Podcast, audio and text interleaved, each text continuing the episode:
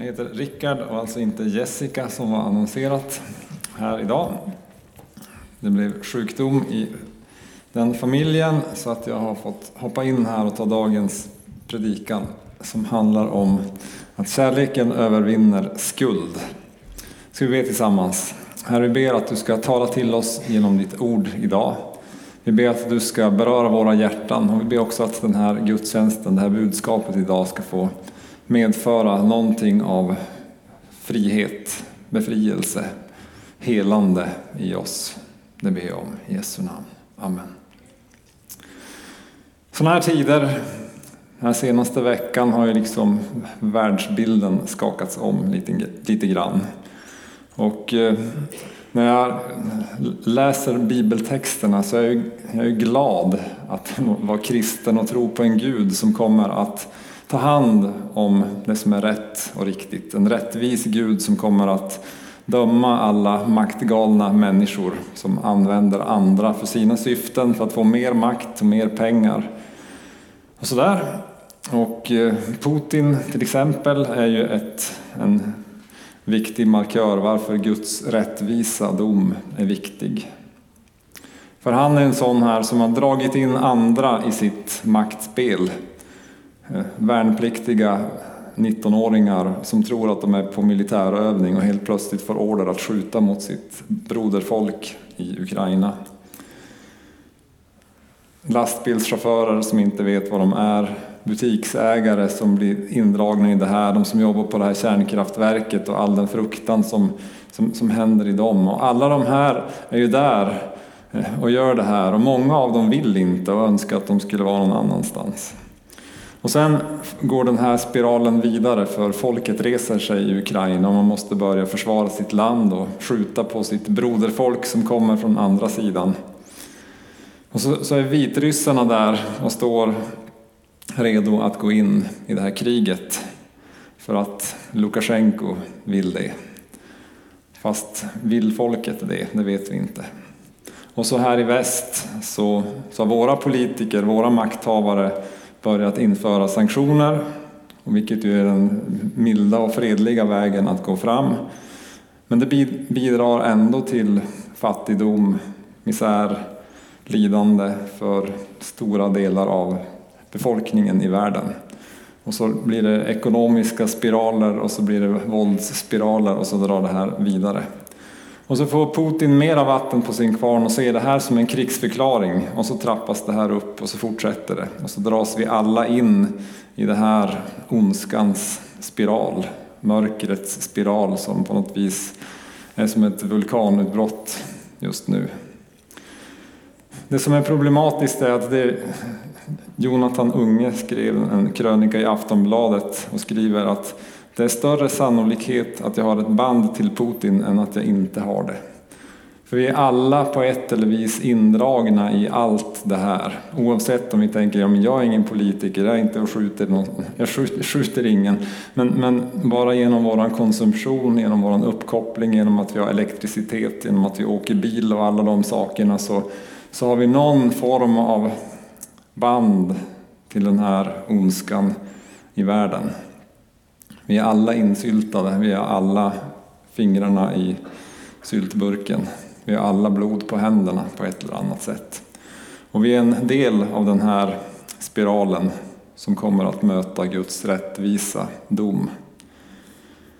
Det här är ju, alltså att Gud är rättvis är något som är gott, men det är också något som är lite jobbigt och problematiskt när man målar upp den här bilden. För Gud kommer att döma all form av orättvisa, all form av ondska. Alla de jag räknat upp här, inklusive du och jag som är en del av systemet. Och plötsligt så känns inte det här riktigt så, så lätt längre. Att Gud ska döma Putin och elaka människor. Men att Gud ska döma mig, det är ju jobbigt. Så att Guds rättvisa är både bra och problematisk på samma gång. Predikan idag handlar ju om att kärleken övervinner våran skuld. Och innan jag går in i det så, är det två ord som jag känner att jag vill ta lite tid att försöka eh, definiera. Och det här är liksom min egen mitt eget sätt att försöka förklara två ganska stora och centrala begrepp i Bibeln. Det första är synd. Vi brukar säga att synd betyder att vi missar målet, att det är våra synder som skiljer oss från Gud och så här. Men jag tänkte på en metafor, alltså en bild. Och alla sådana bilder haltar ju på ett eller annat sätt. Men, men, men jag tänkte, alla vet vem Zlatan är. Det Är någon här som inte vet vem Zlatan Ibrahimovic är? Eh, om inte så kan du fråga mig efteråt. Han är en känd fotbollsspelare i alla fall. Och att, alltså man tänker där med att missa målet, så då tänker man liksom på att ja men, Zlatan missar eh, målet när han skjuter. Och det händer lite då och då att han faktiskt missar mål. Han gör inte mål på varje spark. Han råkar fälla motspelare, han får frisparkar emot sig och varningar och utvisningar. Och det är ju synd. Men, men den värsta synden som skulle kunna vara, liksom om man använder den bilden, bilden, det är ju att, att Zlatan aldrig skulle Eh, gå in på planen och spela. Han väljer att jag blir inte fotbollsspelare av någon anledning. Fast det liksom skulle då vara Guds kallelse till, till honom, syftet med hans liv. Och att missa syftet med sitt liv är ju den stora synden. Och när vi läser Bibeln så är syftet med våra liv att vi ska in på planen. Vi, vi är inbjudna in i Guds rike. Att få vara en del av Guds verk, en del av Guds värld, en del av Guds rike här på jorden. För att utbreda Guds kärlek och få beröra människor med Guds godhet och kärlek och så.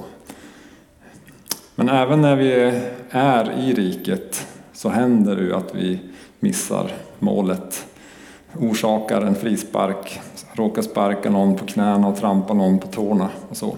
Om du har försökt spela fotboll så vet du hur lätt det är liksom att lyckas med det. Om du lever livet så vet du också hur lätt det är att lyckas med det bildligt, bildligt talat, att göra någon annan illa. Ibland avsiktligt och ibland oavsiktligt. Och så. Men allt det här, så när vi missar målet, när vi gör något som skadar andra och är synd, men också när vi gör det Gud när, när vi inte gör det Gud vill att vi ska göra så är det också synd. Det andra ordet är skuld. Och det är det den här predikan handlar om. Och skuld behöver jag förklara för det har också flera olika dimensioner i sig. Det enklaste att förstå det är när man är skyldig någon pengar. Alltså om jag lånar 50 spänn av Jenny, då står jag i skuld till henne. Och, och då vill hon ha ränta också säger hon. Okej. Okay. Ja, men ja, ni ser här, genast så, har ju, så är det ett, problem och det är någonting mellan oss och hon har en, eh, hon har en hållhake på mitt liv. Liksom, för att jag är skyldig henne pengar. Nu är jag inte det som tur är. Men jag är skyldig banken pengar. Eh, skuld kan ju också vara att man har brutit mot en lag. Antingen någonting i Svea rikes lag. Det finns väldigt många lagar där som man kan bryta mot. Och om man då eh, blir ertappad så är man skyldig. Det kan också vara en moralisk lag som alla tycker är rätt och riktigt. Och så bryter man mot den, mot den så uppfattas man också som skyldig. Och då kan det oftast utdömas någon form av straff som måste betalas av eller sittas av i fängelse eller i vissa länder fortfarande utdöms dödsstraff. I Sverige till exempel, om jag, eh, den, det som finns i mitt straffregister är en fortkörning, jag tror att det är preskriberat vid den här tiden, men i alla fall, jag åkte fast för fortkörning och eh, var tvungen att böta och betala mitt straff.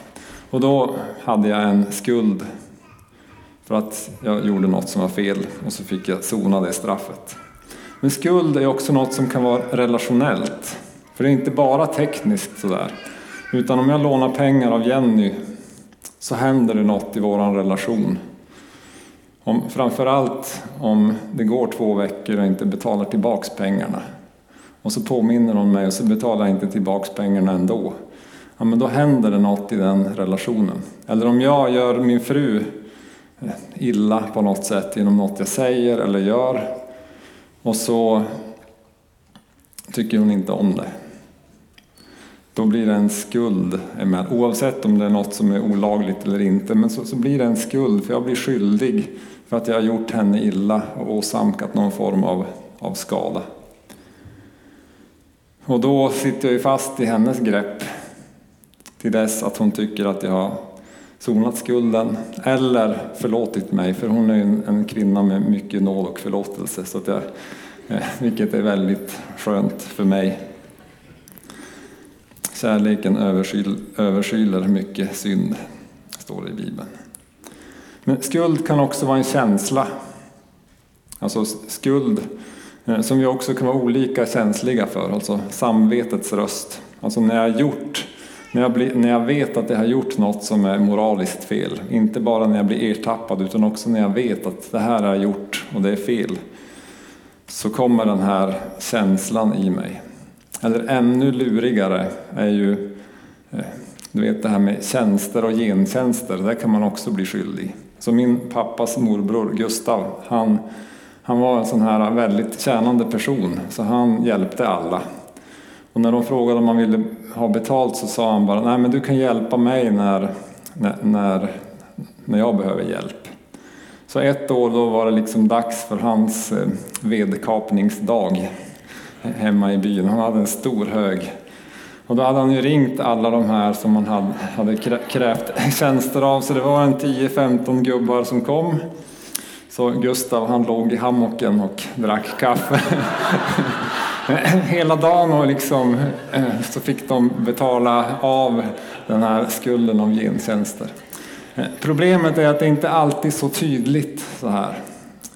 För i relationer så kan det vara så här att jag tycker att jag har gjort något för dig och då tänker jag att du ska ge tillbaks till något till mig.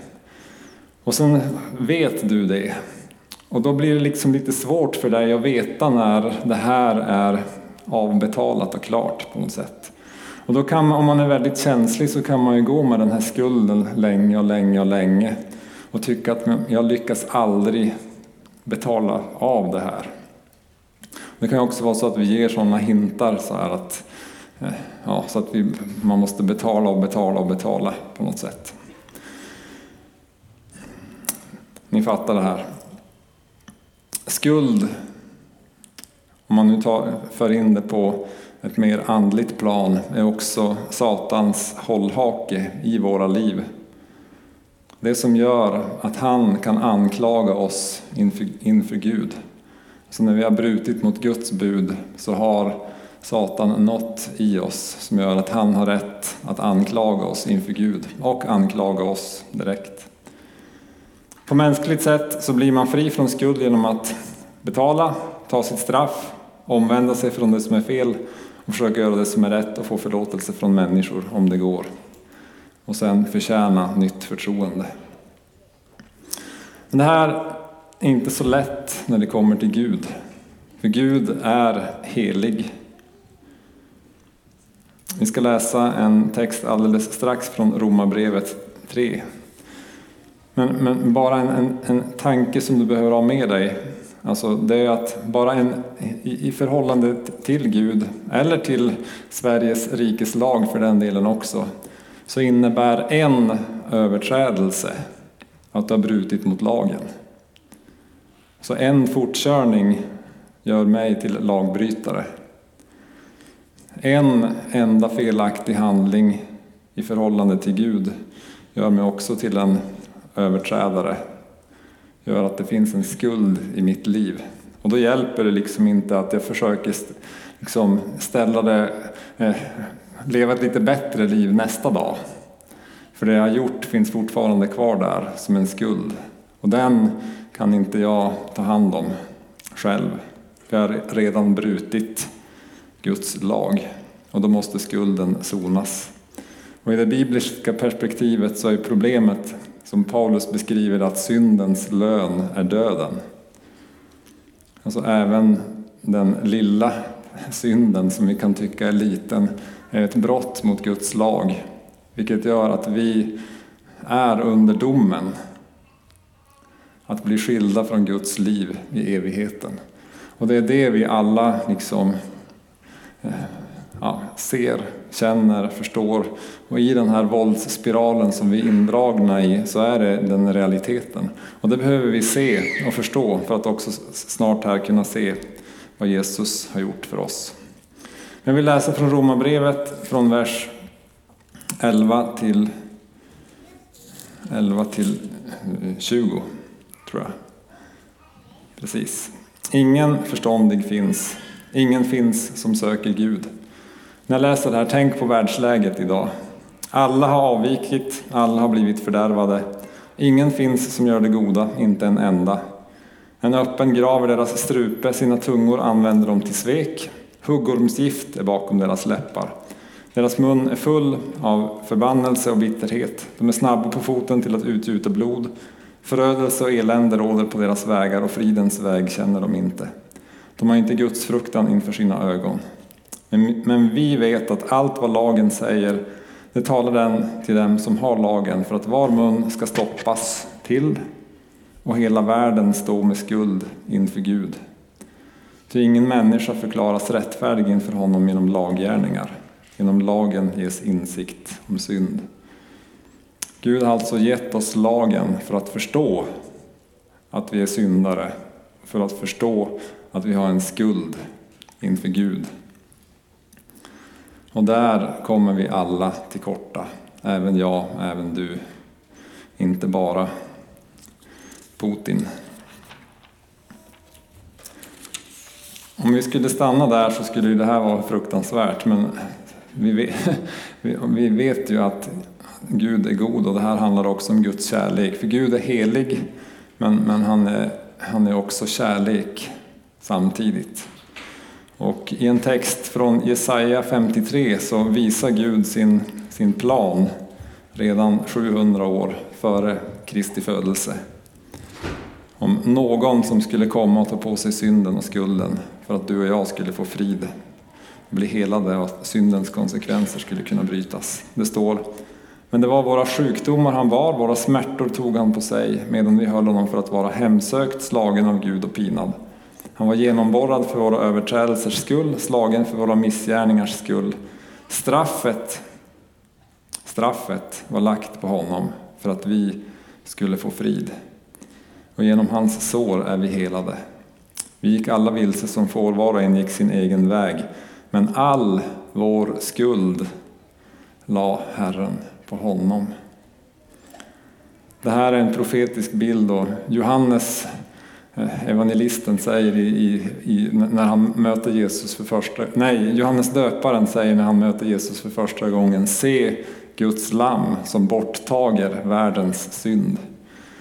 Så det här, den här, de här verserna i Jesaja pekar förstås på Jesus. Att Gud la all vår skuld på honom. Och det här är ju spännande. Vi ska gå tillbaks till Romarbrevet 3 för att Jesus har alltså tagit våran skuld. Alltså, oavsett om den är liten eller stor så har all skuld lagts på Jesus. För att Jesus skulle betala priset, ta straffet, så att du och jag kan gå fria ifrån det. Och då står det så här i Romarbrevet 3 från vers 21. Men nu har utan lagen en rättfärdighet från Gud blivit uppenbarad, en som lagen och profeterna vittnar om. En rättfärdighet från Gud genom tro på Jesus Kristus för alla som tror, ty här finns ingen skillnad.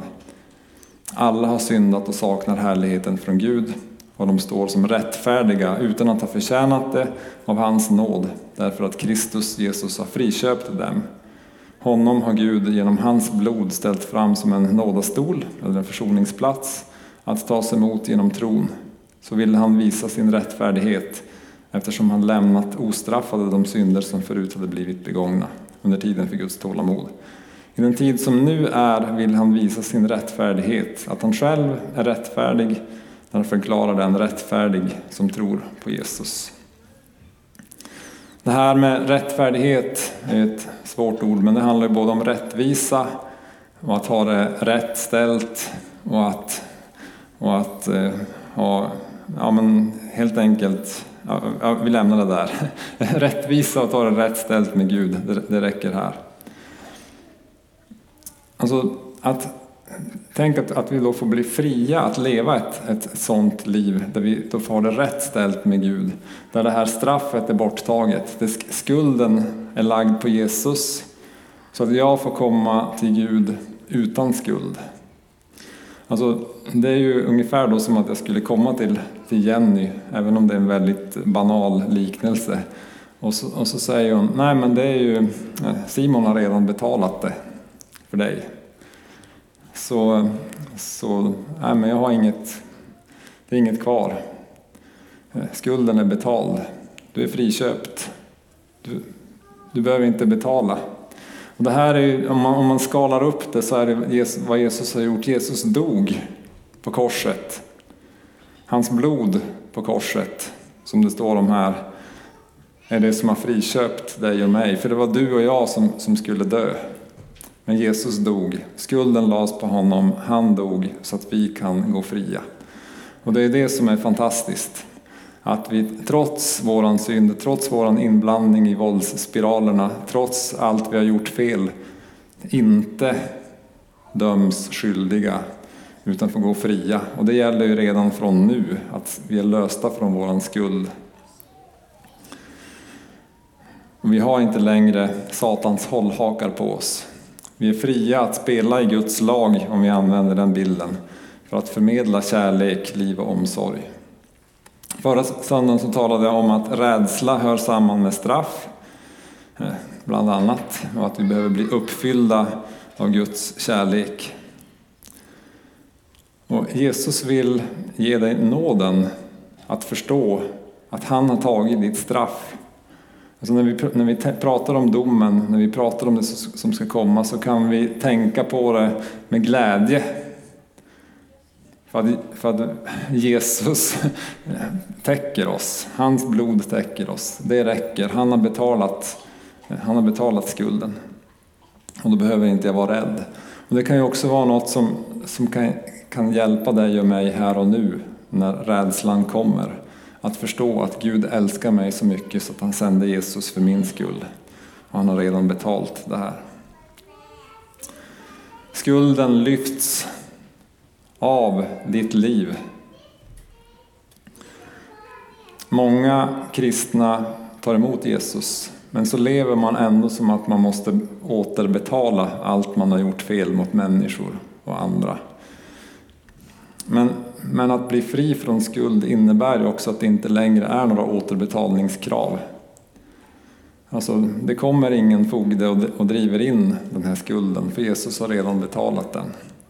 Och det innebär att, att du kan tjäna Gud, inte utifrån någon sorts känsla av att jag måste sona mitt straff eller återbetala eller det jag gjort fel eh, måste jag liksom försöka ställa till rätta.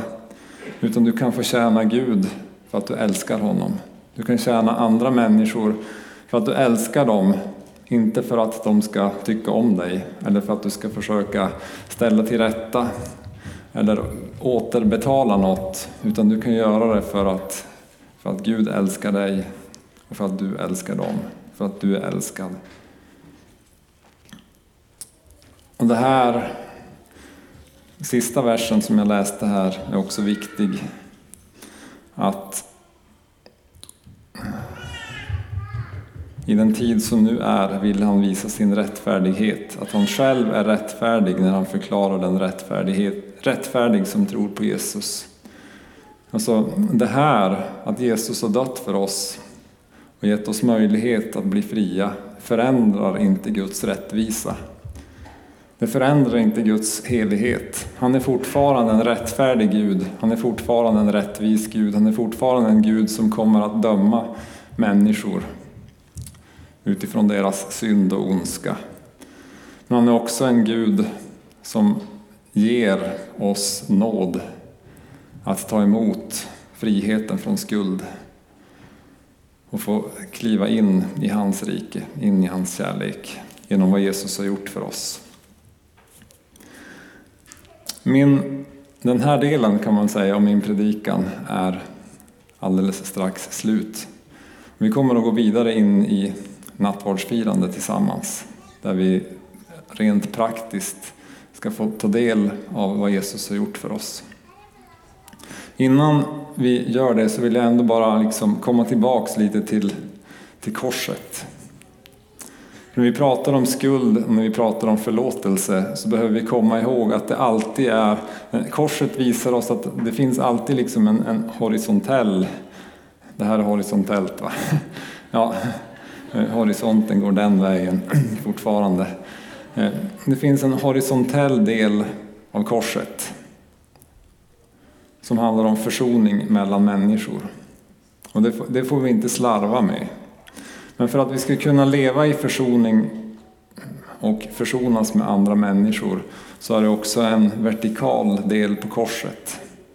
Alltså, jag behöver försonas med Gud. Jag behöver Guds förlåtelse. Jag behöver bli befriad från min synd och från min skuld.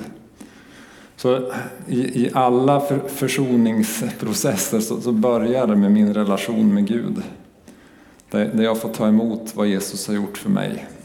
Och det, det när skulden i mitt liv bryts, när jag får uppleva Guds kärlek och bli fylld av det, som jag också kan vara en, en tjänare för, för Guds försoning horisontellt. Där jag faktiskt kan förlåta där jag kan efterskänka andras skulder till mig. Där jag kan faktiskt säga, men jag förlåter dig. Du behöver inte komma och hugga, liksom, hugga ved åt mig. Du behöver inte tjäna mig i 40 år för att ställa saker och ting till rätta, utan jag förlåter dig.